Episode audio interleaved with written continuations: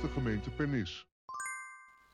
Ik nam u even er net een beetje mee van hoe nou zo'n uh, zo'n preek soms tot, ja, tot ontwikkeling kan komen.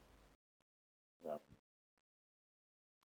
Soms word je in je gedachten bepaald bij uh, gedeelte uit de Bijbel. En daar uh, blijft dan eigenlijk een soort van door, ja, hoe zeg je dat, sudderen. Um, in mijn werkzame periode als uh, hulpverlener heb ik gewerkt uh, met jongens en meisjes tussen de 15 en de 18 jaar. Zij konden om wat voor redenen ook niet meer thuis wonen. Vaak waren het, was de relatie zo verstoord tussen ouder en kind dat, ja, zij gingen uit huis. En uh, vanuit die ontspoordheid kwamen ze dan bij ons. We woonden in een heel groot pand in Vlaardingen. Een stuk 12, 13 van die jongeren. En die probeerden we dan te leren wassen, strijken, koken. Nou, dat is één. Maar onderweg met dat te leren, spraken we ook vaak dat wat ze in hun rugzak mee hadden gekregen. Het was vaak ellende, pijn, boosheid. Um, en ik begeleidde dan uh, drie à vier van die jongeren, waar ik dan wekelijks gesprekken mee had. En dan waren ze er een jaar, anderhalf jaar en dan gingen ze uiteindelijk op zichzelf wonen. Op zekere dag kwam er een meisje die ik begeleidde naar me toe. Nou, ze kwam eigenlijk niet naar me toe. Wij waren aan het vergaderen als team. En uh, we hoorden een uh, enorm gekrijs op de gang. En ik ging kijken en uh, ja, dat bleek iemand te zijn die ik begeleidde. Dus ik ging met haar in gesprek. Ik zeg, wat is er aan de hand? Ja, zegt ze. Kwam er heel stamelend uit. Ik ben net naar de dokter geweest. En uh, ik had uh, enorm last van mijn keel. En ik raakte met hem in gesprek. Ik ging hem onderzoeken. En dan ben ik al een aantal maanden zwanger. Van 16 jaar. Ja, dan stort de wereld wel een beetje in. Ze vertellen later uh, wie de vader was. En die wilde van niks horen. Wilde er niks mee te maken hebben. Daarna s'avonds met haar ouders. Het, waren, het, was een geadopteerd meisje. We hebben met haar ouders uh, gesproken. Die zijn naar uh, het centrum gekomen. En, dat was een heel zwaar gesprek voor haar. ja, ook wel voor de ouders. Maar die reageerden gelukkig goed op. Nou, lang verhaal kort. Uiteindelijk is ze bevallen van een uh, mooie zoon. Ze heeft later, heeft ze, toen ze niet meer bij ons woonde, heeft ze een uh, goede vriend gekregen. Daar is ze al jaren mee getrouwd. werken nu en samen hebben ze ook kinderen gekregen. Ze werken nu al een heleboel jaar bij Jeugd met de Opdracht. Moest daar een beetje aan denken. Want er zijn heel veel tienermoeders. Ja, ook tienervaders. Maar vaak laten die het wel afweten. En in Nederland lopen we gelukkig een beetje achter. Als je het op uh, Europees uh, gebied kijkt. Uh, qua aantal van tienerouders tienermoeders. Maar het zijn er per jaar toch nog, uh, afgelopen jaar waren het er geloof ik ruim 1600.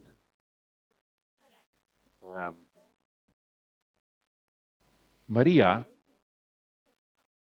de ondertrouwde vrouw van Jozef, was, wat we schatten, zo'n 14 jaar. en was uitgehuwelijkd aan Jozef, een timmerman uit Nazareth.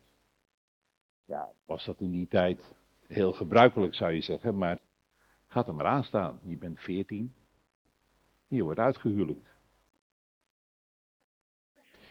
En Jozef,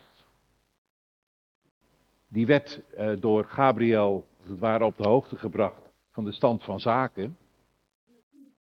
Hoe zijn aanstaande vrouw zwanger zou uh, geworden zijn. En uh, er staat in de Bijbel dat hij eerst twijfelde van, ja, ja, moet ik dan wel. Maar hij heeft er toch voor gekozen om ervoor te gaan. En als het ware de stiefvader van, uh, van Jezus te worden. Zo de begrippen zoals wij ze nu kennen. Het is erg moedig. In die tijd zeker. Uh, we lezen daar niks over in de Bijbel, maar op zeer jonge leeftijd zwanger zijn, dat geeft nog steeds opschudding, laat staan in die tijd. Maar dan gaan we even inzoomen. Maria, die zit op een dag gewoon in haar huisje, thuis bij haar ouders en ze is alleen. En dan komt opeens de engel Gabriel binnen. Gegroet Maria, je bent begenadigd. De Heer is met je. Is een beetje oud-Hollands, hè. Daar zit, als ik dat zo lees, zit daar ook weinig ja, ja emotie bij, gevoel. In het Engels, een van de Engelse vertalingen, die geeft een hele andere uh, inhoud. Daar staat, rejoice, highly favorite one. The Lord is with you. Ik weet niet of u de Engelse taal machtig bent, maar het klinkt in het Engels zoveel intenser, dieper. Rejoice, highly favorite one. Stel je voor, je bent een jong meisje van 14. En je woont in een nietzeggend dorpje Nazareth. Waarschijnlijk woonden daar ongeveer 300 mensen. Ik heb eens gekeken op de kaart. Um, dus ongeveer een vijfde van de gehuchten als uh, Geervliet of uh, Heenvliet of Zwarte Waal. Een vijfde daarvan. Had wel het goede adres. Deed zijn navigatie het niet? Was die verdwaald? Moest je niet in Jeruzalem zijn en daar iemand uit een vooraanstaand gezin deze boodschap vertellen? Nee, God had Maria op het oog. Zijn highly favorite one.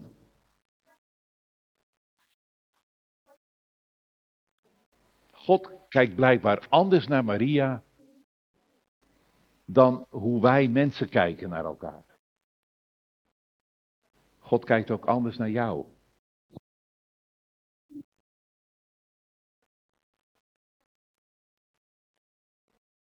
Hoewel Maria een specifieke taak krijgt toebedeeld, zij niet anders dan jij en ik.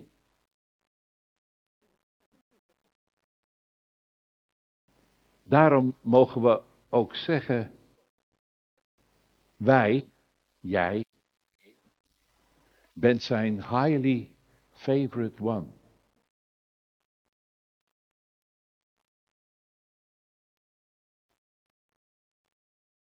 Hoe zou Maria dat bericht van Gabriel hebben ontvangen? Waarschijnlijk heeft ze een paar keer moeten slikken. Ik? Hoezo ik? Waarom ik? Bent u wel op dat goede adres? Welke gedachten heb je over jezelf als je in de spiegel kijkt?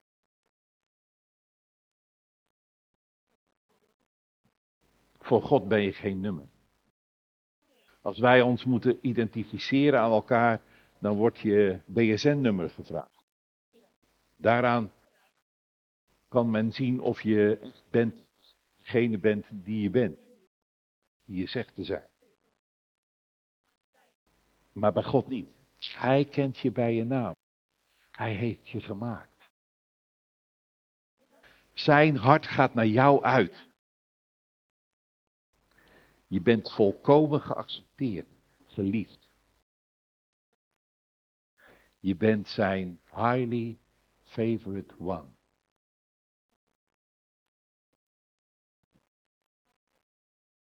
Dat niet te snappen. Net zei ik al, ik bak er niet zoveel van iedere dag. Ja, misschien de dag iets beter, iets meer. Iets meer tot je doel.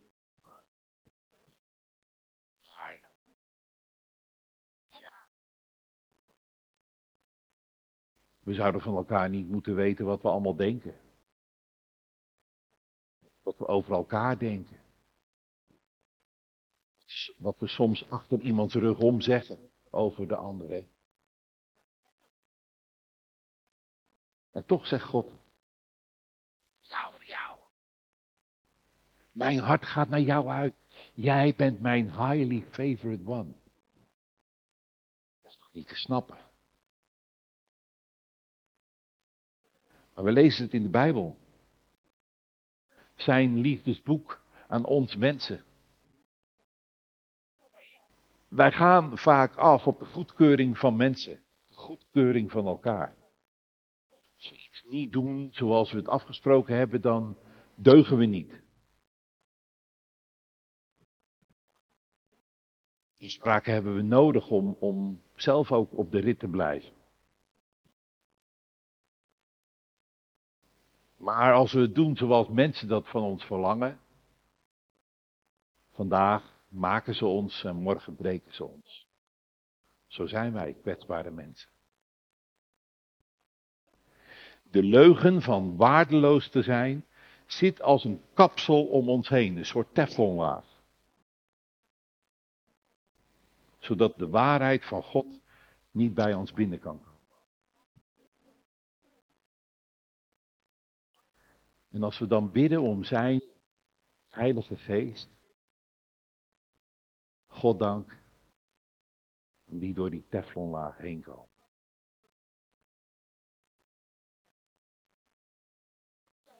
Als je geen highly favorite one zou zijn, zou God dan zijn zoon hebben gegeven? God heeft door de gehele Bijbel heen um, mensen nodig gehad. Nodig gehad. Uiteindelijk kan God het ook alleen. Maar hij heeft zichzelf, als het ware, um, opgelegd om mensen nodig te hebben. Mensen zoals uh, Mozes, was een moordenaar. David pleegde overspel.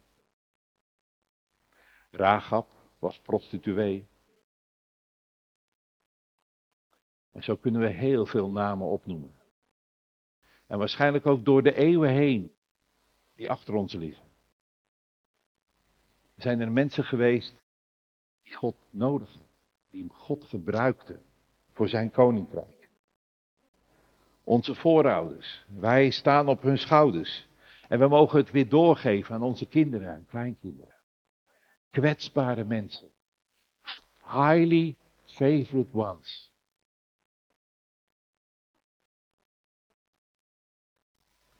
Als we beleiden dat Jezus in ons leven centraal staat, daarnaar handelen, ja, dan is dat zijn e-, enige voorwaarde.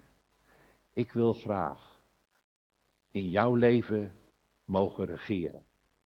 Ik weet het. Weet dat je vindt dat je niet geschikt bent. Ik weet dat je, dat je uh, als het ware, uh, wijst naar de ander.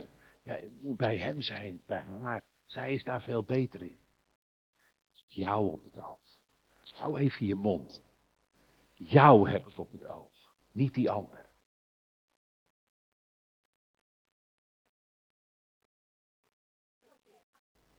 Ouders, mag ik u eens vragen, als u s'morgens met elkaar aan de ontbijttafel zit, wat zegt u dan tegen uw zoon of dochter? Je bent een waardeloze zoon, niets nut van een dochter. Hopelijk zeggen we, nou misschien zeggen we dat ook niet s morgens vroeg. Jij bent fantastisch. S. Maar wij mensen, kwetsbare mensen, wij hebben goede gedachten over onze kinderen. Wij kwetsbare mensen.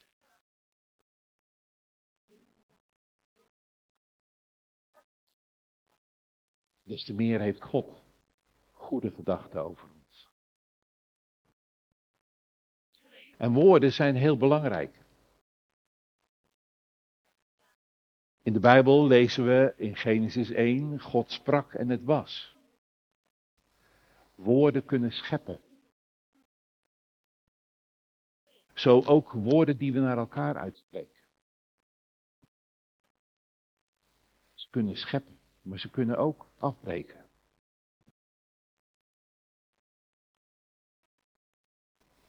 Voorbeeldje over dat afbreken.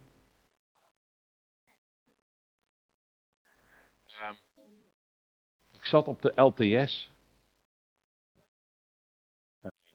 De ouderen die weten wel dat dat uh, het voortgezet onderwijs was van vroeger. En uh, hadden we het uh, vak gym.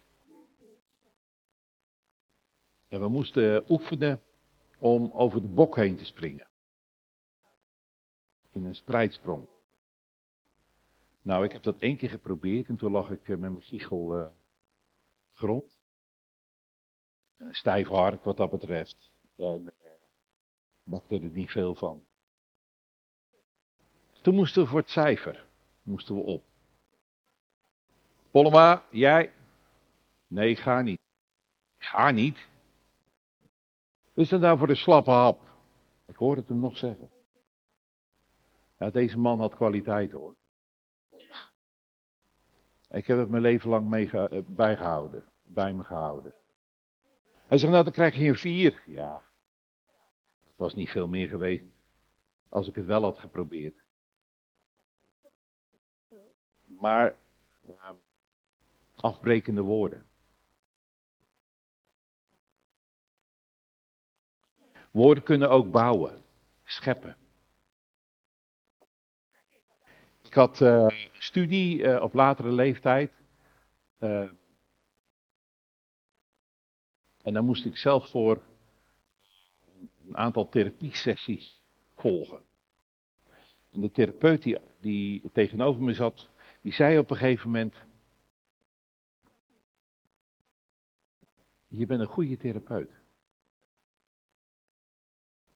Toen reed ik naar huis en toen dacht ik: die daar nou bij? Zomaar opeens zei hij dat. Daar heb ik de hele week over na zitten denken, over twijfelen. Toen de volgende sessie begon ik, Wim, je moet me eerst vertellen. Vorige week zei je, je bent een goede therapeut. Maar waar haal je dat nou vandaan? Toen keek hij me aan. En toen zei hij, hoe vaak wil je dat ik het tegen je zeg? Toen was ik even stil. Toen dacht ik, ja, ik heb het eigenlijk ook helemaal niet nodig om van andere mensen. Ik mag er zelf in gaan staan, in geloven dat ik een goede therapeut ben. Hij heeft me als het ware met die woorden, scheppende woorden, in dat zadel gezet van therapeutschap. Woorden kunnen afbreken, woorden kunnen scheppen. Woorden die u, jij zegt tegen anderen, zijn betekenisvol.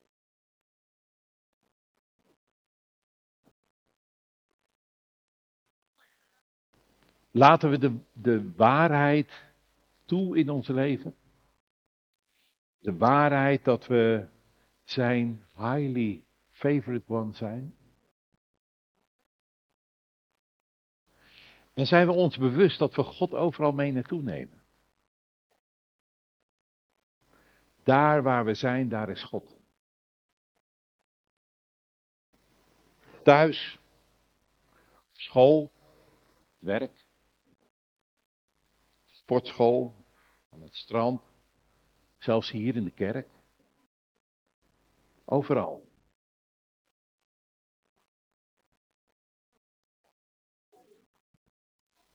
Handelingen 1, vers 8 zegt. Maar wanneer de Heilige Geest over jullie komt, zullen jullie kracht ontvangen en van mij getuigen in Jeruzalem. In heel Judea en Samaria tot aan de uiteinden van de aarde. Het is niet morgens van 9 tot 5. Dat is 24 uur per dag. Hij is bij ons en wij zijn zijn getuigen.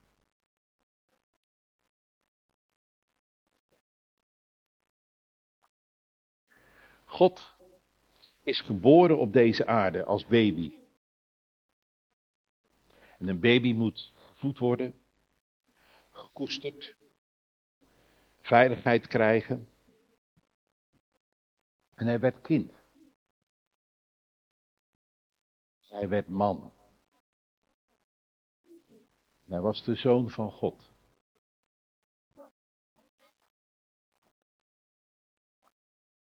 Wat is hij in jou? Als hij in jou leeft. Is hij baby Jezus? Of is die kind?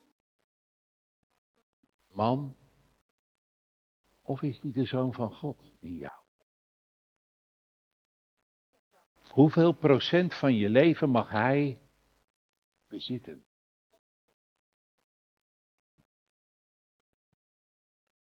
We mogen hem voeden door hem te aanbidden.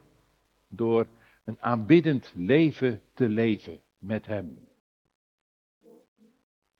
En aanbidden is niet alleen zingen. Het is een belangrijk onderdeel. Maar aanbidding is ook de wijze waarop we ons leven leven.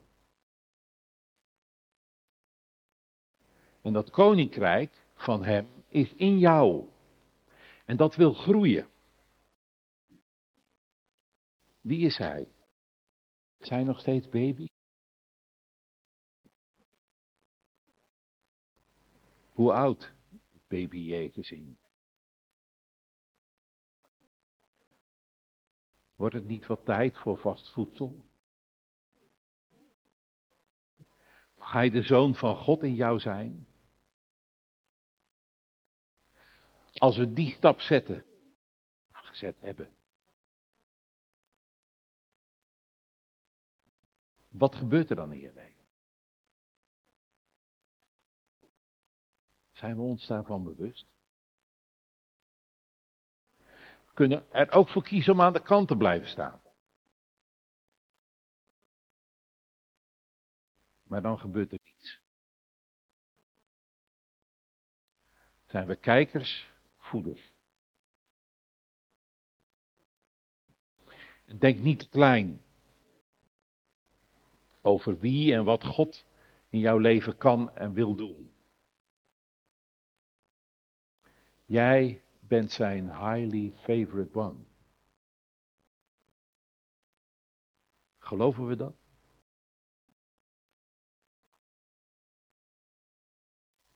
Dat is de mooiste basis om een nieuw jaar mee te beginnen. Te weten dat je zijn highly favorite one bent.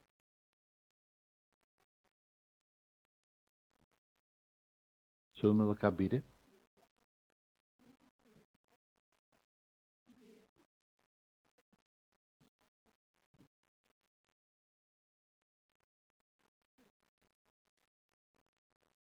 Vader, Laat niemand deze ochtend hier weggaan. Zonder zich te beseffen dat er een nieuwe of hernieuwde start gemaakt kan. Misschien wel moet worden. U kent ons allemaal, hoofd voor hoofd. U kent onze levens. Ons slagen en ons falen. Beweeg ons, Vader, naar u toe kom tot u toe.